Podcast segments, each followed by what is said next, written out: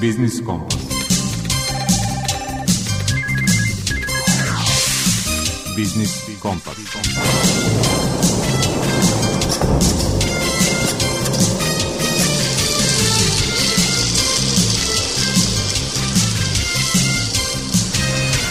Pred mikrofonom je Đuro Vukilić. Dobar dan, poštovani slušalci. Vreme je za Biznis Kompas i teme koje će, verujem, zaokupiti vašu pažnju i u narednih 50 minuta.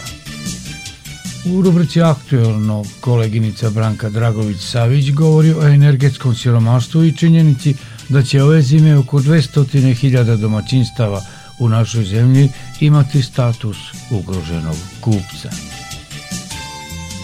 Tema rubrike iz mog ugla i izlaganja profesora sa Beogradskog ekonomskog fakulteta Đorđa Đukića je bauk recesije koji uporno kruži Evropom i njegov odraz na Srbiju. U rubrici Svet preduzetništva rukovodilac projekata u regionalnoj razvojnoj agenciji Bačka Marija Prokopić govori o uslovima poziva Fonda za inovacijonu delatnost namenjenog start-up kompanijama. Jelena Popović iz Narodne banke Srbije u rubrici Predmet financije savjetuje kako da koristite domaće platne kartice za podizanje gotovine i plaćanja u inostranstvu. Nedavni slučaj povlačenja sa tržišta vudi barenih kobasica ponovo je otvorio pitanje bezbednosti hrane i potrošačkih prava u Srbiji, poručuje u rubrici Potrošačka korpa prava naš saradnik Mladen Alfirović.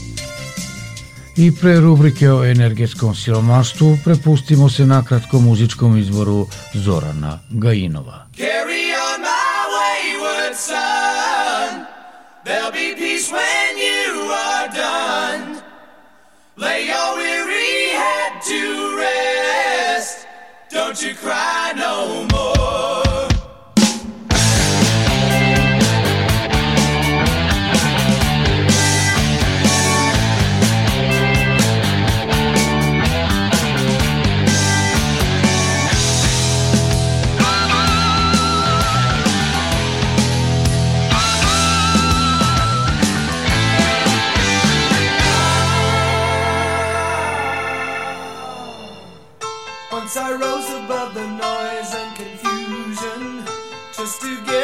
beyond this illusion. I was soaring ever higher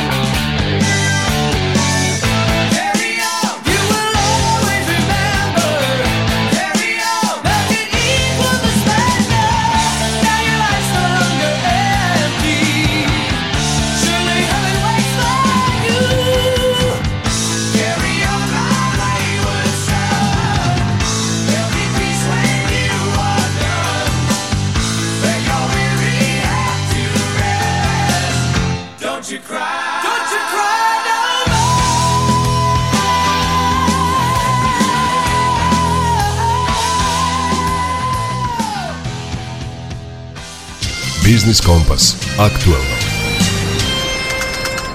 Oko 200.000 domaćinstava u Srbiji imaće status energetski ugroženog kupca ove zime. Ukazano je na panelu posvećenom energetskom siromaštvu. Stručnjaci iz oblasti energetske bezbednosti ocenjuju da bi broj takvih kupaca mogao da bude znatno veći u aktualnim ekonomskim okolnostima, te da je uz obezbeđivanje stabilnosti snabdevanja električnom energijom i gasom prioritetno i rešavanje ovog problema.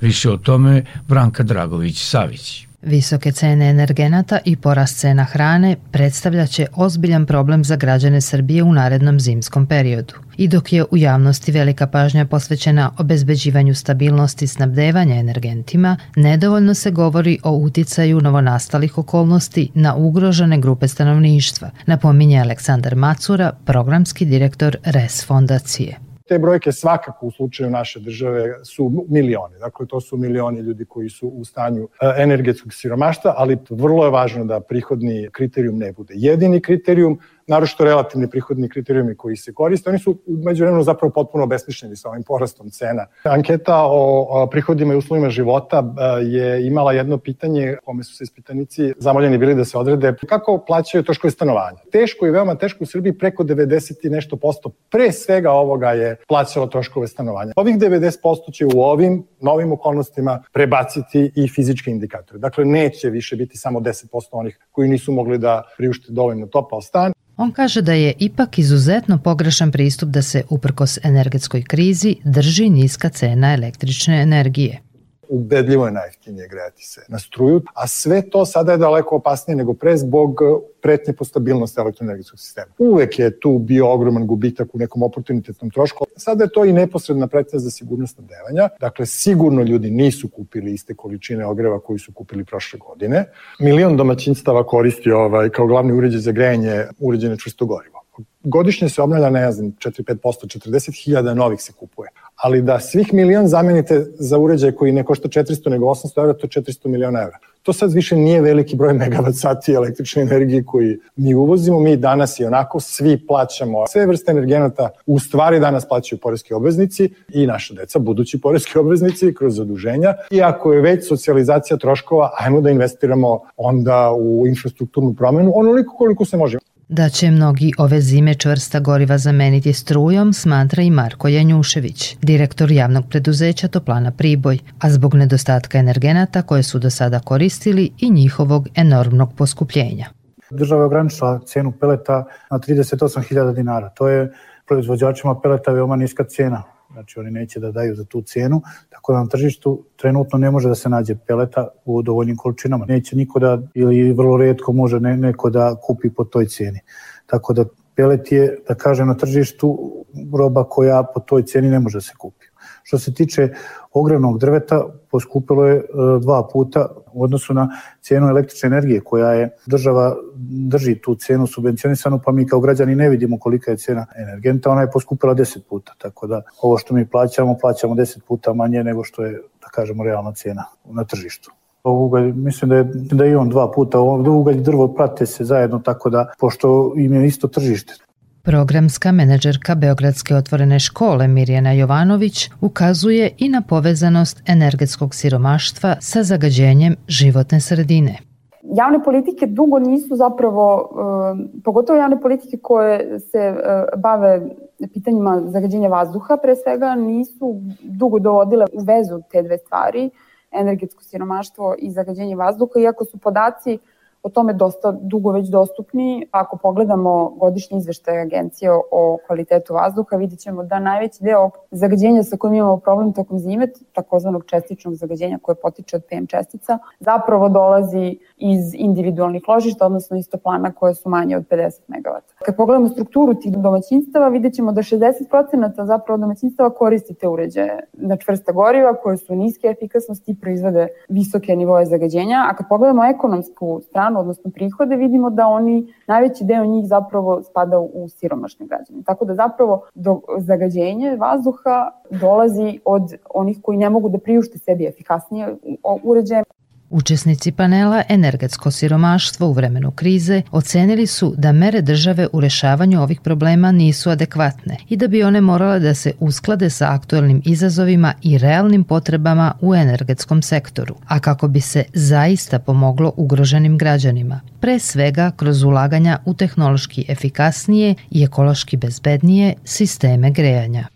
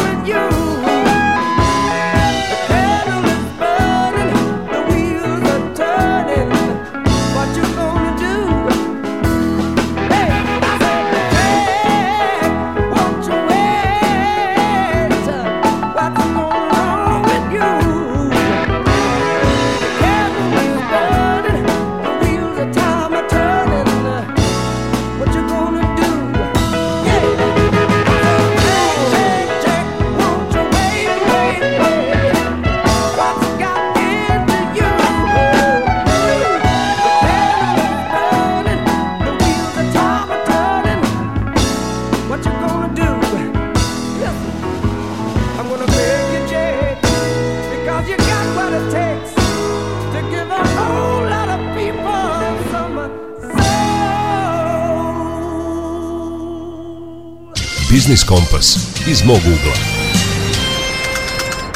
Bauk recesije uporno kruži Evropom. Uporna je inflacija. Države su prinuđene da pomažu posustalu privredu po cenu narastućeg budžetskog deficita i time se krug zatvara. O tome u rubrici iz mog ugla govori profesor sa Beogradskog ekonomskog fakulteta Đorđe Đukić. Prema podacima za septembar mesec e, praktično situacija u privredi eurozone postaje još komplikovanija. Naime, e, recesija je potpuno izvesna sada, jer ključni pokazatelj indeks e, menadžera nabavke pao je na 48,4, a granična linija između pada privredne aktivnosti i ono što se zove pozitivni rast je 50. Tako da evropski industrijski sektor je suočen sa sve manjim poručbinama, što u krajnjoj liniji vodi ka tome da će inflatorni pritisci biti još veći, a s treće strane e, mogućnost da Evropska centralna banka poveća ključnu kamatnu stopu za dodatni 75 baznih poena u oktobru je više nego izvesna. Zašto? Zato što praktično eurozona je ušla prvi put u dvocifrenu stopu inflacije. U septembru na godišnjem nivou iznosila je 10%, Šta više, Nemačka kao nemoćnija privreda imala još veću stopu inflacije, čak 10,9%, što vam samo govori da u stvari je neizbežno dalje povećanje ključne kamatne stope ukoliko ECB ima nameru da stane na put toj pošasti koja je već uzela maha, pre svega zbog rastućih troškova energenata, prekida lanca snabdevanja, sve veće ustezanja potrošača od uh, kupovina, što samo ide u prilog tome da 2023. je više nego izvesno da će biti godina recesije u eurozoni koja će pogoditi sve zemlje uključujući privredu Srbije koja ima najveći izvoz u područje Evropske unije i eurozone. Ja ću navesti samo dva ključna parametra.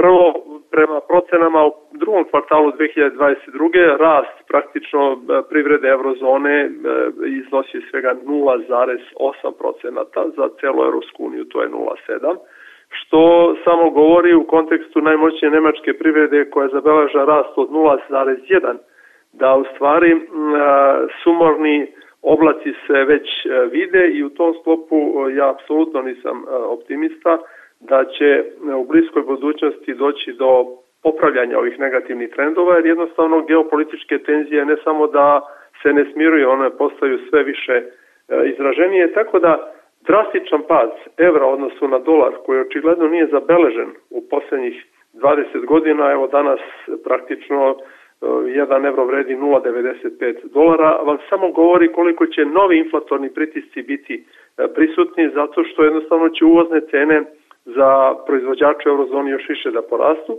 a s druge strane ono što isto tako je dodatni inflatorni pritisak vezan je za činjenicu da jednostavno kompanije zbog rastućih troškova energenata koji su otišli preko 100% u određenim segmentima, apsolutno su izloženi riziku bankrotstava koliko država još intenzivnije praktično ne, ne interveniše i spase ta preduzeća, što opet vodi ka onom što se zove rastući budžetski deficiti koji zatvaraju ekonomiju vrlo nepoželjan krug, krug koji se zove visoka stopa inflacije, pad privredne aktivnosti što je najgora moguća situacija koja može kreatore ekonomske politike da snađe.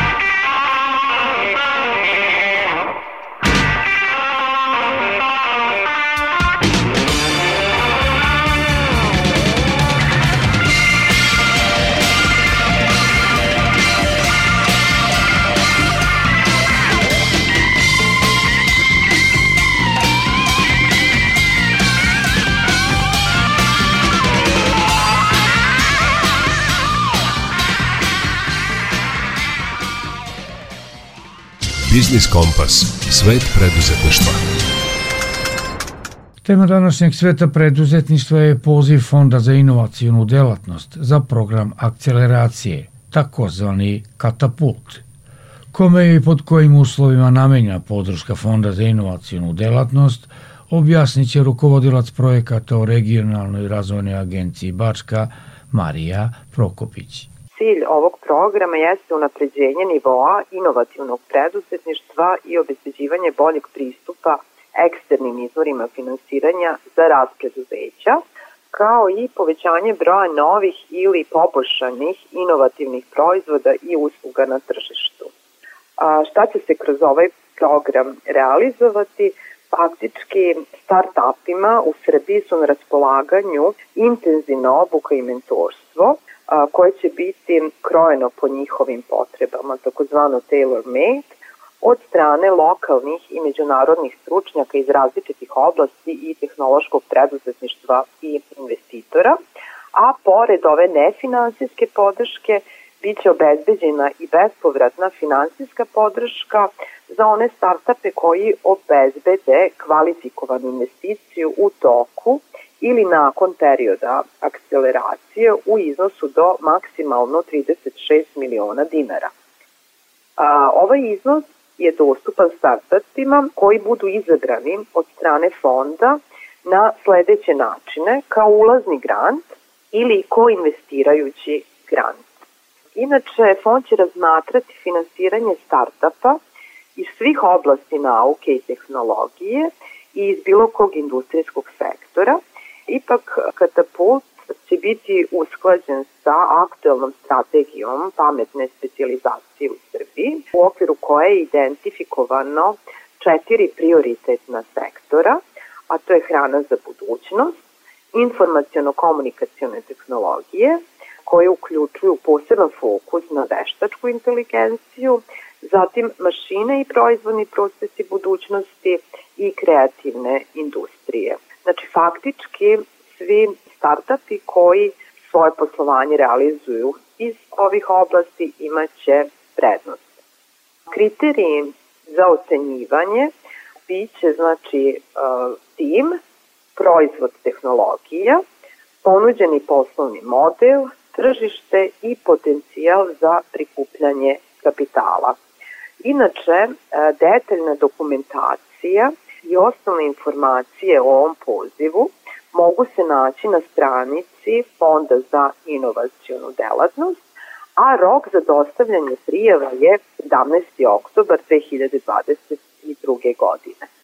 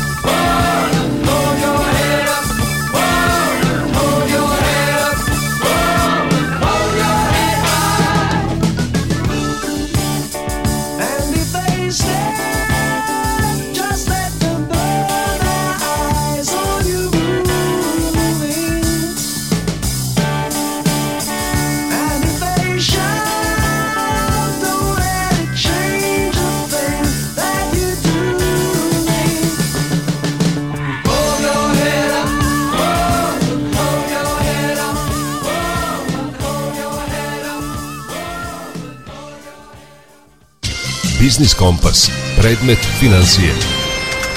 Sezona letovanja je minula, ali ne i obilazaka evropskih gradova ili shopping tura u inostranstvo.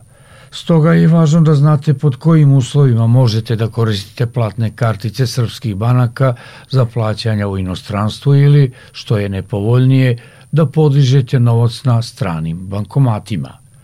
O tome govori Jelena Popović iz sektora za zaštitu korisnika finansijskih usluga u Narodnoj banci Srbije. Pre nego što otputujete u inostranstvo, potrebno je da sa bankom koja vam je izdala platnu karticu proverite da li ona može da se koristi u inostranstvu kao i koji su osnovni troškovi i naknade korišćenja te kartice u inostranstvu. Da podsjetimo, postoje dve vrste platnih kartica, debitna i kreditna. Debitna kartica vam omogućava plaćanje i podizanje gotovine do visine sredstava koje imate na računu, a pojedine banke dozvoljavaju mogućnost raspolaganja sredstvima poslovnog dozvoljenog minusa dok boravite u inostranstvu, a dok je s druge strane kreditna kartica ona vam omogućava korišćenje sredstava kojima vas kreditira banka, dakle izdavalac ove kartice do limita utvrđenog prethodno zaključenim ugovorom o korišćenju te kartice. Najveći broj prigovora građana koji su koristili platne kartice u inostranstvo i koji se obratio Narodnoj banci se odnosio na, upravo na troškove provizije prilikom podizanja novca bankomata ili e, šaltera banke, kao i na troškove nastale prilikom konverzije valute tokom plaćanja karticom. Visina provizije za korišćenje bankomata u inostranstvu razlikuje se zavisno od vrste kartice, iznosa koji se podiže i same banke. Ukoliko nemate mogućnost da na prodajnom mestu izvršite direktno plaćanje karticom i primorani ste da podignete novac sa bankomata, u tu svrhu koristite debitnu karticu jer su provizije najčešće niže nego provizije na osnovu korišćenja kreditne kartice. Pojedine banke u inostranstvu ne naplaćuju proviziju za podizanje novca debitnom karticom ukoliko imaju takav ugovor sa vašom matičnom bankom u Srbiji i da skrenem pažnju da je česta zabuda korisnika da banke u inostranstvu neće naplatiti proviziju za podizanje novca s bankomata ako pripada istoj bankarskoj grupaciji kao banka koja je izdala karticu u Srbiji. Sve poslovne banke u Srbiji su zasebna pravna lica, stoga provizija za podizanje novca s bankomata neće biti naplaćena samo ako su banke međusobno sporazumom regulisale to pitanje, što naravno treba proveriti s bankom pre nego što otputujete u inostranstvo. Potrebno je da imate u vidu da se provizija za podizanje novca s bankomata u inostranstvu kreće od minimalno utvrđenog iznosa koji nije vezan za sumu novca koja se podiže, tako da neretko se dešavalo korisnicima da, bu, da im bude naplaćena veća provizija za podizanje novca s bankomata od samog iznosa koji su na tom bankomatu podigli. Za veće iznose novca, ponekad i za bilo koji iznos, inostrane banke naplaćuju proviziju koja se meri u procentalnom iznosu sume novca koju podižete – Neophodno je da vodite računa o visini novčanih sredstava koje nameravate da podignete na dnevnom nivou, budući da banke imaju svoje ograničenja i u pogledu ovog iznosa. Ako se ima u vidu visina provizije za korišćenje platnih kartica, povoljnije je koristiti karticu direktno kod trgovca, dakle plaćanjem putem post terminala, i prilikom direktnog plaćanja debitnom karticom provizija se često ne naplaćuje, a u istim slučajevima kada ona postoji znatno niža od provizije za korišćenje bankomata. Pre samog plaćanja treba da proverite da li je prodajno mesto prima tip kartice koju posjedujete. Iako ovo možete utvrditi uvidom u nalepnice koje su zalepljene na prodajnom mestu, savjetujemo vam da to proverite i sa samim trgovcem. Ukoliko posjedujete platnu karticu koja zadužuje vaš dinarski račun, morate imati u vidu troškove konverzije valute čije se visina razlikuje od vrste valute i same banke troškova konverzije neće biti ukoliko posjedujete devizni račun u istoj valuti i koji je povezan s vašom platnom karticom koji će prilikom transakcije biti zadužen za odgovarajući iznos transakcije. Međutim, ukoliko vršite plaćanje u valuti koja je različita od valute na vašem deviznom računu, treba da znate da će banka u tom slučaju izvršiti duplu konverziju i to, na primer, ako ste robu i usluge plaćali u američkim dolarima, a devizni račun imate u evrima, banka će prvo izvršiti konverziju američkih dolara u dinare, a potom iz dinara u evre. Ukoliko je platna kartica vezana za dinarski račun, prilikom plaćanja karticom banka će nakon izvršene konverzije automatski rezervisati sredstva na vašem računu odgovarajući dinarskoj protivrednosti. Međutim, treba da znate da rezervisanje sredstava ne znači da je banka naplatila uslugu korišćenja kartica, odnosno zadužila vaš račun, već samo da nemate mogućnost raspolaganja tim sredstvima na računu. Ukoliko ste plaćanje obavili u trenutku kad se ne vrši platni promet, uveče ili tokom vikenda, banka će kasnije zadužiti vaš račun i to za onaj iznos u dinarskoj protivrednosti po kursu važećem na taj dan. Drugim rečima, ukoliko je među vremenu došlo do promene na deviznom tržištu, odnosno do pada vrednosti dinara, sredstva koje će biti skinuta s vašeg računa bit će veća od onih koje su ranije rezervisane. Korišćenje platnih kartica u inostranstvu podrazumeva ista pravila kao i u Srbiji, a to je da u slučaju krađe ili gubitka odmah o tome bavestite banku koja vam izdala karticu kako bi blokadom kartice se sprečilo njeno neovlašćeno korišćenje.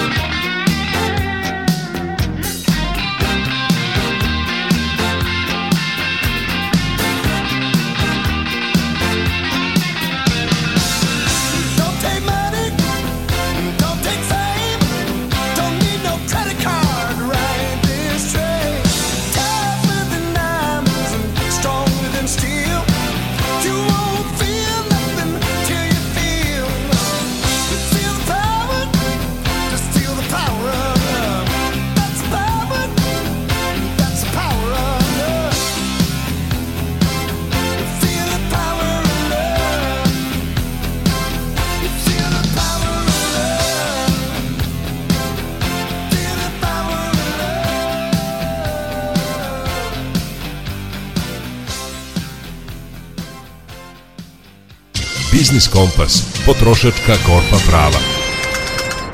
Nedavni slučaj povlačenja sa tržišta vudi barenih kobasica uvezenih iz Italije pokrenuo je pitanje kako i koliko nas štite zakon o bezbednosti hrane i oni zaduženi da ga sprovode.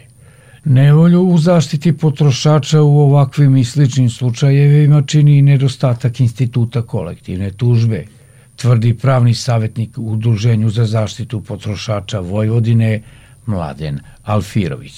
Mi smo povodom ovog slučaja dobili brojne prigovore i brojne pitanja zabrinutih potrošača koji se, možemo reći, s razlogom pitaju šta ako su oni došli u kontakt, šta ako su konzumirali taj proizvod i generalno kakav je sistem bezbednosti hrane u Srbiji, u kojoj meri i na koji način se hrana kontroliše i šta nam je garant da, da je zapravo hrana na našem tržištu bezbedna. Ovaj slučaj sa Vudi varenim kobasicama je samo poslednji u nizu slučajeva gde se zapravo preko medija saznalo da su ti proizvodi povučeni sa tržišta i opet je pokrenuta lavina komentara zabrinutih potrošača koji se pitaju da li je hrana bezbedna, da li postoje adekvatna kontrola i kakva je nadležnost inspekcije pri uvozu. Zakon o bezbednosti hrane koji je usklađen sa, sa evropskim koji je donet 2009. godine i koji se dopunjuje na svakih nekoliko godina je takav da je najveći deo odgovornosti prepušten samim proizvođačima i uvoznicima. A inspekcija je tu da garantuje da će proizvodi koji se nalaze na tržištu biti bezbedni i da će ti proizvođači i uvoznici obezbediti ono što je njihova zakonska obaveza, a to je sistem sledljivosti. Zapravo da se u svakom trenutku može proveriti od koga je sirovina nabavljena, kako je skladištena, kako je plasirana na tržište, kako je čuvana i šta se nalazi zapravo u toj sirovini. Odnosno u svim fazama proizvodnje, prerade i prometa hrane mora biti obezbeđena sledljivost, kako kaže zakon. Subjekti u poslovanju hranom dužni su da identifikuju svaki subjekat od koga nabavljaju hranu i kojeg dalje snabdevaju hranom, kao i sirovinama koje služe za proizvodnju hrane ili bilo koju substancu koja se ugrađuje ili se očekuje da će biti ugrađena u hranu. Subjekat je dužan da ima uspostavljen sistem i procedure koje obezbeđuju dostupnost podataka o sledljivosti. Ovaj podatak koji je dobijen za, za ovaj proizvod je dobijen preko Evropskog sistema za brzu razmenu informacija o nebezbednoj hrani. Dakle, ta informacija se pojavila na tom portalu RASAF, obaveštene naše ministarstvo, utvrdilo je da se i na našem tržištu nalazi taj proizvod i preduzelo je mere da taj proizvod bude povučen i neškodljivo uništen.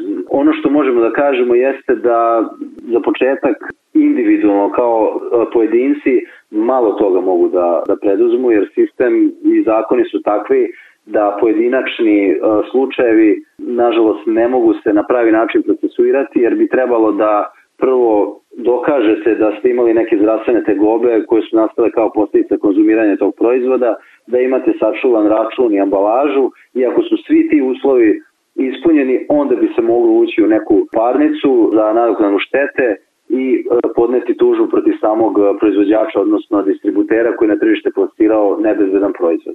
Međutim, ono na što mi kao nacionalna organizacija potrošača se Srbije apelujemo godinama, a to je postojanje kolektivne tužbe. Mi kolektivnu tužbu u našem pravnom sistemu nemamo od 2012. godine. E, ovo sad je pravi primer gde se vidi pun efekat i značaj postojanja kolektivne tužbe. Sad, hipotetički u ovoj situaciji, svaki potrošač individualno koji je kupio, na primjer, pakovanje viršlina, sigurno nema interes da zbog jednog pakovanja pokreće parnični postupak da, da tuži tamo nekog i da čeka mesecima ili godinama da se taj postupak ukonča.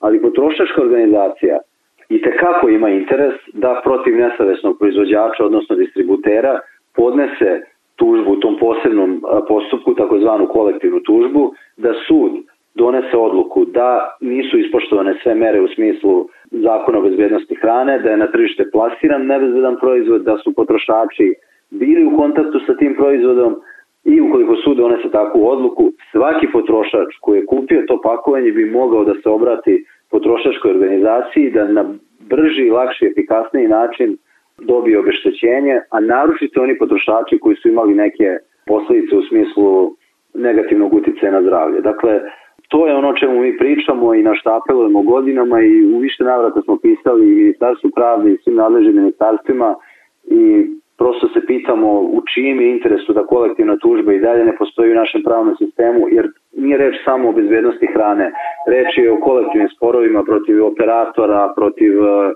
nekih javno-komunalnih preduzeća, protiv svih koji svojim pojedinačnim nekim aktima ili postupcima krše prava većeg broja građana. Govorimo o stotinama, o hiljadama građana i u svim tim situacijama sigurno ne pojedinačni interesi ne postoje da se pokreću postupci, ali grupni kolektivni interes i tekako postoje.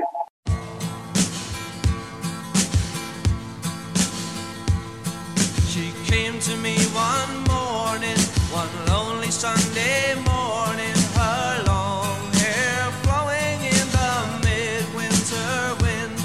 I know not how she found me, for in darkness I was walking, and destruction lay around me from a fight I could not win. I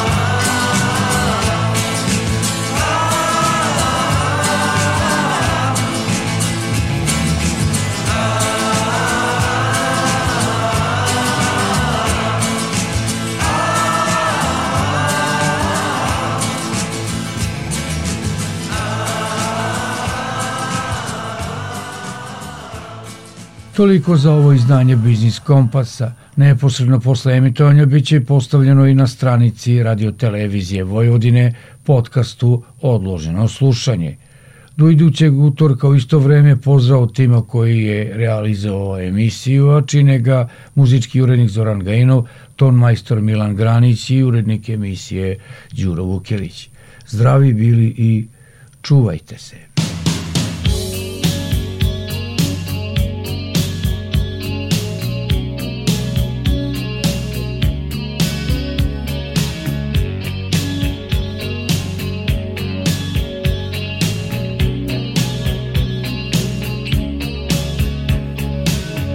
Time I think of you,